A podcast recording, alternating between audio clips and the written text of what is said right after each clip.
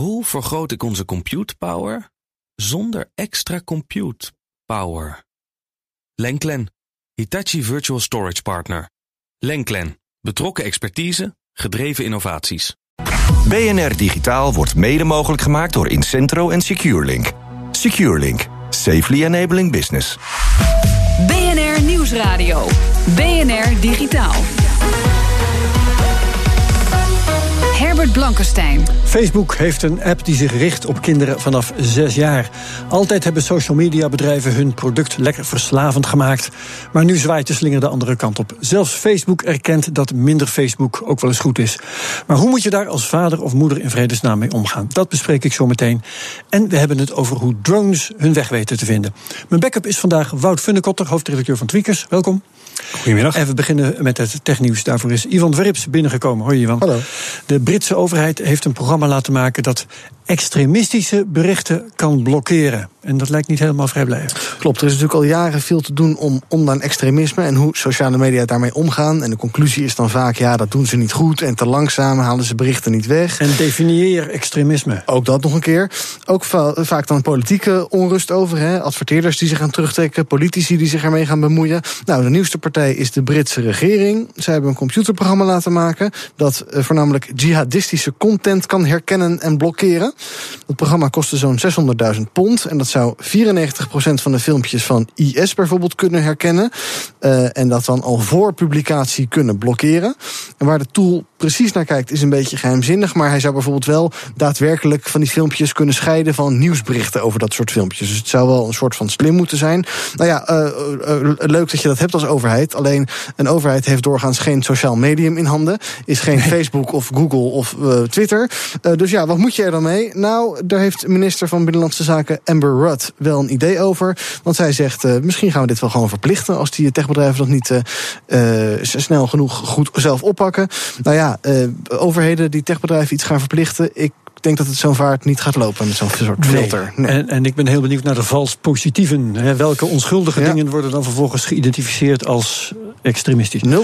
0,04 procent las ik vals positief. Maar goed, dat is alsnog honderden filmpjes per dag. Ja, Precies. Of duizenden. Okay. Ja. Goed, nou, uh, we wachten het af. En Bill Gates vindt dat versleuteling niet onvoorwaardelijk zou moeten zijn. Leg uit. Interessante uitspraak van de Microsoft-oprichter in een interview met Axios. Dat draait dus allemaal om de beveiliging van je communicatie.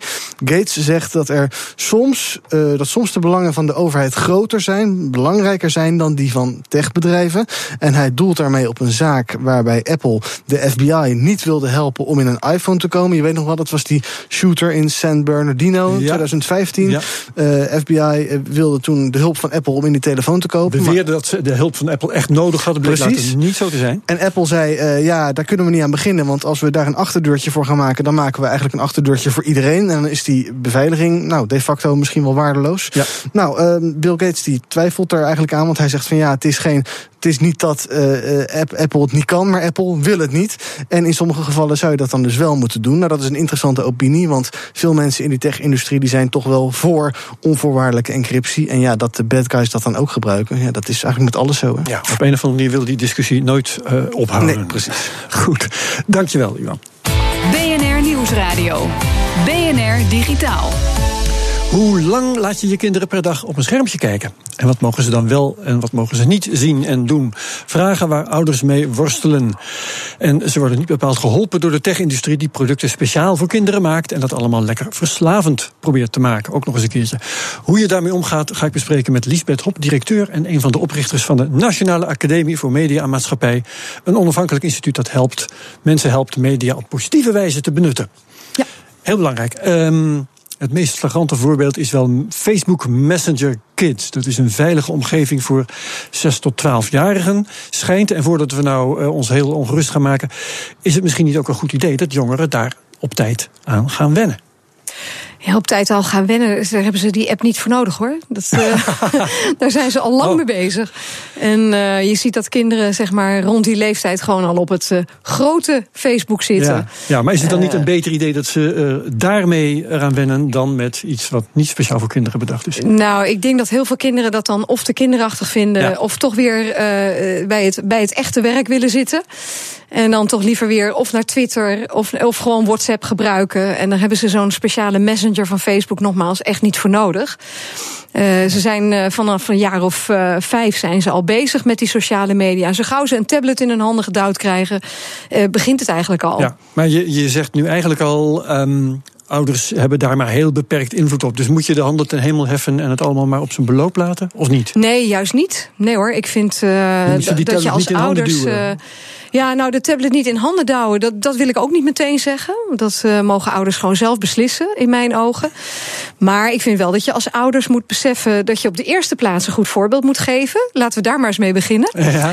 Dus aan de eettafel gewoon die smartphone eens wegleggen bijvoorbeeld. Ja, okay, ja, dat zou een goed begin zijn. Uh, zodat er in ieder geval een soort smartphone-vrije zone is in het huis en ergens. Smartphone-vrije tijd ook. Ja, dat, uh, dat op de eerste plaats. En ten tweede is het ook niet uh, slim om te jonge kinderen gewoon een volwaardige smartphone cadeau te doen. zonder daar zeg maar, bij betrokken te blijven. Mm-hmm. Dus het is ook wel belangrijk om als ouders mee te kijken en met je kinderen erover te praten en af en toe ook te vragen van uh, wat ze tegenkomen. En het belangrijkste is eigenlijk dat je de lijnen open houdt. Hè. Dus de kinderen heel duidelijk maakt dat als ze iets tegenkomen wat ze eng vinden of vervelend vinden of niet begrijpen of uh, wat, wat niet aardig is, dat ze dan bij je terecht kunnen. Dat ja. is het belangrijkste. Dus je kan niet meer uh, als ouder zeggen van... Uh, goh, word je gepest uh, op WhatsApp? Ja, je moet ook niet op WhatsApp, je moet buiten gaan spelen. Dat heeft geen zin meer. Dus het heeft geen ja. zin om te snel te verbieden. Maar juist die Sturen. lijnen open houden is belangrijk. Ja, Wout, heb jij uh, tips, ideeën, meningen op dit gebied? Nee, ik, ik heb geen kinderen. Uh, ik heb wel veel neefjes en nichtjes. Ja. En wat je daar ook gewoon wel ziet, is gewoon uh, schermtijd beperken.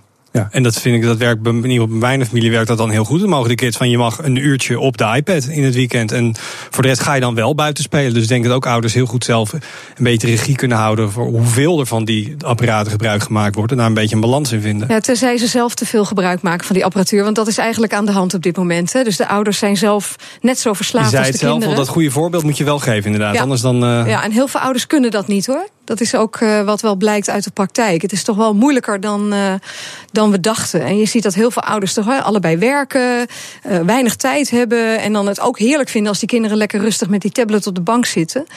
Ja, en daar moeten, ja. we, daar moeten we ons wel tegen gaan verzetten. Want het, is wel, het wordt wel belangrijk dat we kinderen ook helpen met de uitknop.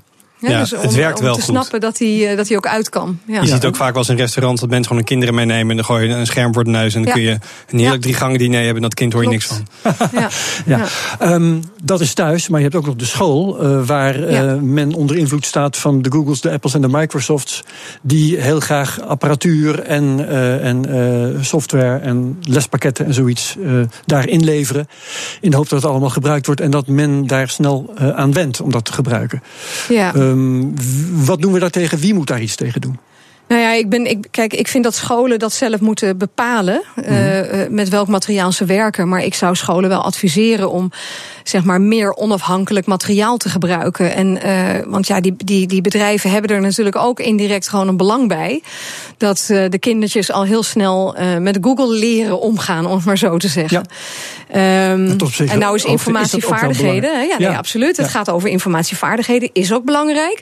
Zeker ook in het digitale tijdperk. Maar ik vind dat de Nederlandse bibliotheken daar bijvoorbeeld ook een hele be belangrijke rol kunnen spelen. En um, ja, daar, daar werken intussen ook heel veel mediacoaches bij die bibliotheken die naar scholen kunnen komen om informatievaardigheid uh, lessen te geven. Dus ja, ja.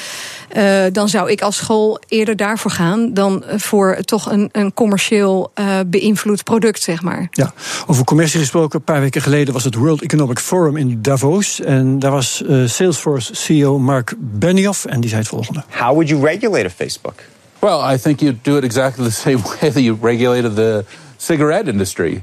They're addictive. You know, they're not good for you. Maybe there's all kinds of different forces trying to get you to do certain things. Product designers are working to make those products more addictive, and we need to rein, rein that back. Nou, dat is in elk geval Wout, een van de uh, grote industriëlen die waarschuwt. Nee, dat klopt. En ik uh, ben het hier denk ik op papier en in theorie ook wel mee eens. Ik denk alleen dat een fysiek product als een pakje sigaretten zich heel een stuk makkelijker laat reguleren dan een digitaal product. En dat zie je toch vaak met het internet. Uh, dingen die in de echte wereld werken, die zijn heel moeilijk toepasbaar soms op de digitale. Dus het zal, het zal een klus worden. Ja, ja. Lisbeth Hop, ja. er stond in de New York Times vast een heel interessant opiniestuk. ging over de digitale kloof. Ooit was gezegd, uh, uh, kinderen die niet voldoende toegang hebben tot devices, tot internet, die raken aan de verkeerde kant van de digitale kloof. Het lijkt wel, en dat stond dus in dat opiniestuk, alsof je aan de verkeerde kant zit als je nu te veel toegang hebt tot de schermpjes.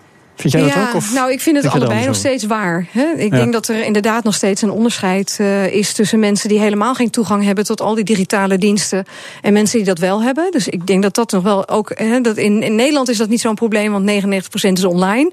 Maar er zijn landen, uh, niet eens zo ver van ons vandaan, waar dat nog anders is, waar die verhoudingen anders liggen. En daar zal je op de eerste plaats ook nog moeten focussen op het zorgen dat he, iedereen dezelfde toegang heeft. Dat op de eerste plaats. En ten tweede, ja, dat, dat, dat verslaving verslavingsgevoelige, uh, dat, dat uh, zorgen dat kinderen verslaafd raken aan die media, dat, dat komt omdat die sociale media op een bepaalde manier inwerken op wat ze nodig hebben. Hè? Ik bedoel, als je tussen de 10 en de 16 bent, dan heb je enorm behoefte aan om erbij te horen, om beloningen te krijgen in de vorm van aandacht, status, populair zijn. En je ziet dat uh, ja, sociale media ze aan de ene kant een soort uh, illusie geven dat ze controle hebben over iets. En tegelijkertijd raken ze er daardoor helemaal in. Oké, okay, het is geen zwart-wit zaak en uh, we blijven ons er nog een tijdje over buigen. Hè? Dankjewel, Lisbeth Hop, directeur en medeoprichter van de Nationale Academie voor Media en Maatschappij. Slimme assistenten was iets van de afgelopen jaren. Maar wat als we die eind vorige eeuw al zouden hebben gehad? Hoe dat geklonken had, dat hoor je straks. BNR Nieuwsradio. BNR Digitaal. Google Assistant, Alexa, Cortana, Siri. Het is druk met slimme assistenten in het jaar 2018. Maar wat als we Siri al hadden gehad in de jaren 80 op MS-DOS? Hoe zou dat gewerkt hebben? De mensen achter YouTube-kanaal Squirrel Monkey hebben wel een idee en Ivan Verrips bekeek hun filmpje. Welcome to another episode of Wonders of the World Wide Web. In this episode, we're going to talk about Siri. We all talk to our computer, especially when things go wrong. But with Siri, your computer talks back. Hello. Hello. Dat is wel een hele creepy Siri-stem. En je hoort, ook in geluidskwaliteit gaan we even een jaar of dertig terug. Siri stands for Speech Interpretation and Recognition Interface. For Siri, you'll need a Mac or personal computer, a sound card that can record audio, a microphone, at least 512 kilobytes of RAM and a modem. Oké, okay, tijd om het schijfje met de Siri-software in de PC te stoppen. Ook weer een trip down memory lane. Software installeren in die tijd. You can start the software by typing S-I-R-I. After pressing the enter key, the software will ask for the sound card. Now I'll have to install the graphics adapter. Now we have to select our modem. Now Siri will start up. On slower computers, it may take a while. Now we can ask Siri any question. Goed, laten we met een simpele vraag beginnen. Uh, uh, ja, ik heb er één. Siri, what is 2 times 2? Siri is analyzing my sound input. This may take a couple of minutes. Siri is generating an answer. When I press the space bar, Siri will answer me. 2 times 2 is 4. Wow! Isn't that amazing? Maar en dit is revolutionair, je kunt ook zaken via het internet opzoeken. Heus waar. Siri, what is Michael Jackson's newest album? Now the answer takes longer because Siri needs to contact the network using a modem. Now our question is being uploaded. Siri will give an answer soon. We are now downloading the answer by Siri. This may take a while. Michael Jackson's newest album is Bad. Bad dus. Maar ja, je hoort het, de stem van Siri is nog niet zo goed ontwikkeld. Maar goed, dat wordt vast snel beter in een nieuwe versie. Misschien al wel in de jaren 90. Ja, en je moet het ook echt even zien. Allemaal van die klassieke progress bars en zo. Het is echt heel erg leuk gemaakt. Door de Nederlander Jo Luiten, overigens. Een link naar het filmpje en andere afleveringen uit de Wonders of the World Wide Web serie. Die vind je op bnr.nl slash digitaal. BNR Nieuwsradio. Herbert Blankenstein. Drones hoef je amper meer te besturen. Ze blijven zelf stabiel en sommige navigeren ook zelf. Het MIT, het Massachusetts Institute of Technology, heeft uitgezocht hoe dat nog beter en nog efficiënter kan. En komt met een nieuwe aanpak. Ook mijn gast doet daar onderzoek naar. Dat is Guido de Kroon, universitair docent bij het Micro Air Vehicle Lab van de TU Delft. Welkom. Uh, eerst even aan mijn sidekick vragen trouwens. Wout, heb jij een drone? Nog steeds niet. Ik heb elke keer op punt gestaan om te kopen. Bijna, misschien dit jaar. Het moet nog komen. Ja, precies. En gaat hij dan kunnen navigeren? Of, uh, ik hoop het wel. Ze worden met de, de dag slimmer, lijkt wel. Ja, ja. Um, Oké, okay. Guido, een zelfnavigerende drone, waar kun je die gebruiken?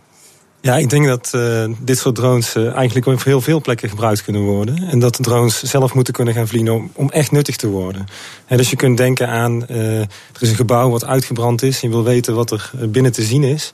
En dan kun je, nu moet je mensen naar binnen sturen. Dat is misschien gevaarlijk. Ja, het is onbegaanbaar, dus een robot gaat niet werken. Nou ja, zo'n vliegende robot kan uh, dus uh, zeg maar wel. Uh, nee, zeker, zijn. maar eentje op wieltjes dat gaat dus niet, dus neem je een drone. Precies, ja, dus ja. dat soort dingen. En dan moet hij echt zelf kunnen vliegen, hebben we gemerkt. Ja. En, maar ook voor dingen zoals bijvoorbeeld het spoor inspecteren. Dan wil je eigenlijk niet dat iemand mee moet rijden met een afstandsbediening. Je wil dat die drone gewoon een heel stuk kan vliegen. En dat mooi in kaart kan brengen. Ja, ja, ja. zulke drones bestaan al wel. En ze bepalen nu hun route, begrijp ik, door middel van iets wat heet SLAM: Simultaneous Localization and Mapping. Hoe werkt dat? SLAM is inderdaad uh, dat een uh, robot uh, tegelijkertijd als hij ergens begint te rijden of vliegen waar hij het nog niet kent, een kaart maakt en zich ook daarin lokaliseert. En dat is eigenlijk de techniek achter bijvoorbeeld de zelfrijdende auto's. En wat mensen nu gedaan hebben in de dronewereld is die techniek ook te gaan gebruiken. Alleen het probleem van drones is, die zijn natuurlijk veel kleiner en lichter. En die hebben dus minder rekenkracht, minder sensoren. En je moet dus op zoek naar efficiëntere oplossingen. Ja, dat, die, die slijmtechniek kost te veel rekenkracht, zeg maar. Ja, te veel rekenkracht. Ze hebben vaak de goede sensoren nodig, zoals laserscanners en ook te veel geheugen. En wat ze nou bij MIT gedaan hebben, is dat ze die methode iets slimmer gemaakt hebben. En wat we eigenlijk in Delft bijvoorbeeld doen, is dat we zeggen: je moet eigenlijk helemaal anders na gaan denken.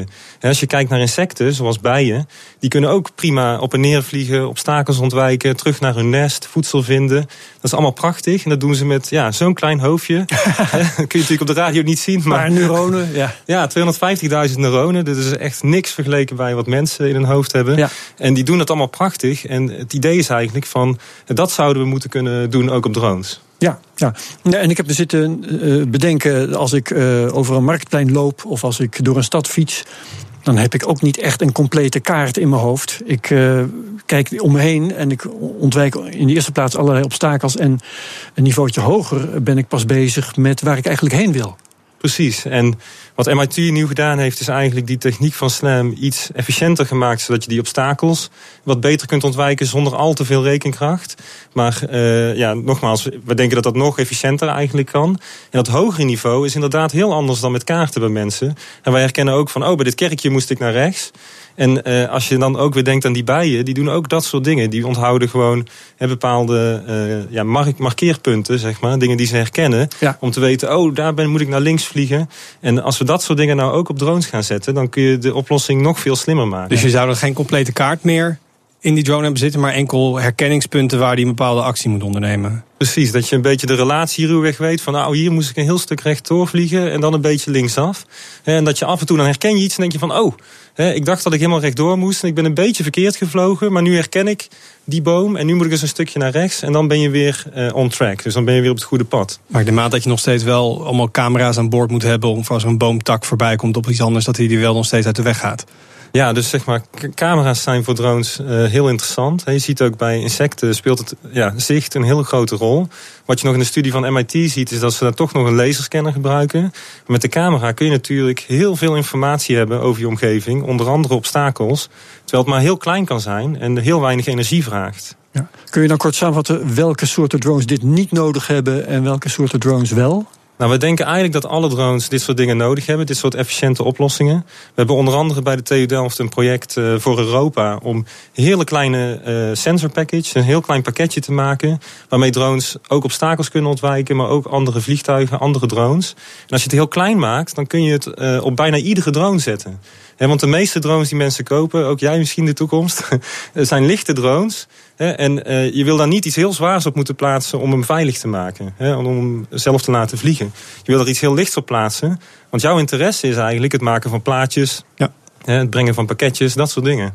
Ik heb uh, bij het voorbereiden van dit onderwerp ook nog zitten denken aan de uh, openingsceremonie van de Winterspelen. Daar had je die zwerm, ik geloof dat er 1200 waren. Um, hoe bepalen die drones hun plek in, in de massa drones waar ze in zitten? Weet jij dat? Op het moment uh, wat we ervan weten is dat ze eigenlijk een vaste choreografie volgen. en dat is natuurlijk prachtig. Ik vond het ook echt prachtig wat ze daarmee doen. Het is ook enorm uitdagend met zoveel drones. Ja. Maar uh, ze communiceren dus niet met elkaar. En een van de dingen waar wij bijvoorbeeld ook aan werken, wij willen bijvoorbeeld een groep drones. Dat vind ik heel apart, want ik ging ervan uit dat dat wel zo was. Want het belangrijkste in zo'n zwerm is natuurlijk hoe je staat ten opzichte van de drones om je heen. Als de hele wolk wegwaait, dan, nou, als, ze, als ze naar elkaar blijven kijken, dan blijft de wolk toch intact. Maar je zegt dat gebeurt eigenlijk niet. Dus als eentje uit de lucht was gevallen, had die de rest gewoon uh, omver gekukeld, zeg je? Als, als er eentje bijvoorbeeld een hele verkeerde indruk heeft van zijn positie, kan het zijn dat zijn pad ineens met een ander gekruist. En dat ze inderdaad tegen elkaar uh, aankomen. Een hele riskante techniek eigenlijk. Nou ja, het, ze zijn echt, zijn echt fantastische ingenieurs daar. Dus het is een hele mooie techniek. Alleen de volgende stap, en dat is eigenlijk een stap die we ook al gezet hebben, is dat drones wel met elkaar gaan praten. En dan maken we bijvoorbeeld gebruik, wat je ook ziet bij je wifi router. Als je daar dichterbij komt, zie je meer streepjes. Mm -hmm. He, dus als ze met elkaar gaan communiceren, dan kunnen ze ook bepalen hoe dichtbij ze elkaar ze zijn. En dan kunnen ze elkaar ontwijken. En dan kunnen ze ook dingen doen. Maar het wordt er iets onzekerder van. He, dus je, je kunt wat minder mooie patroontjes maken, zoals ze nu met uh, de Olympische Spelen hebben gedaan. Maar het is wel heel effectief in een omgeving waar je misschien de GPS niet hebt, dus de satellieten niet, en misschien binnen. Ja. Maar ook uh, als ze echt uh, helemaal zelfstandig moeten opereren. Nog even kort, de dag dat ik een drone bij mij thuis opdracht geef, vlieg nou maar naar Woud toe. Andere kant van het land. hoe ver is die dag nog weg? andere kant van het land uh, is een uitdaging. Ah, omdat krijg je de batterijen en zo. Ja. Maar even, stel dat ik aan de andere kant van de stad zou wonen. Um, nou ja, ik denk dat je uh, dat de komende vijf jaar wel, uh, wel gaat kunnen. De vraag is natuurlijk wanneer ga je het ook mogen met regelgeving. Want uh, we moeten ook aantonen dat het heel, heel veilig kan. Ja. dus, maar in principe is die dag dichtbij. Oké, okay, dankjewel. Guido de Kroon van de TU Delft.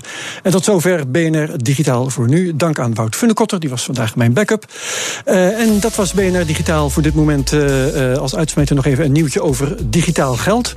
Gaat vandaag over onszelf, want donderdag 15 februari begint een nieuwe podcast. De CryptoCast. Met als makers Boris van der Ven, gamingjournalist, maar ook cryptofanaat. En ondergetekende Herbert Blankenstein.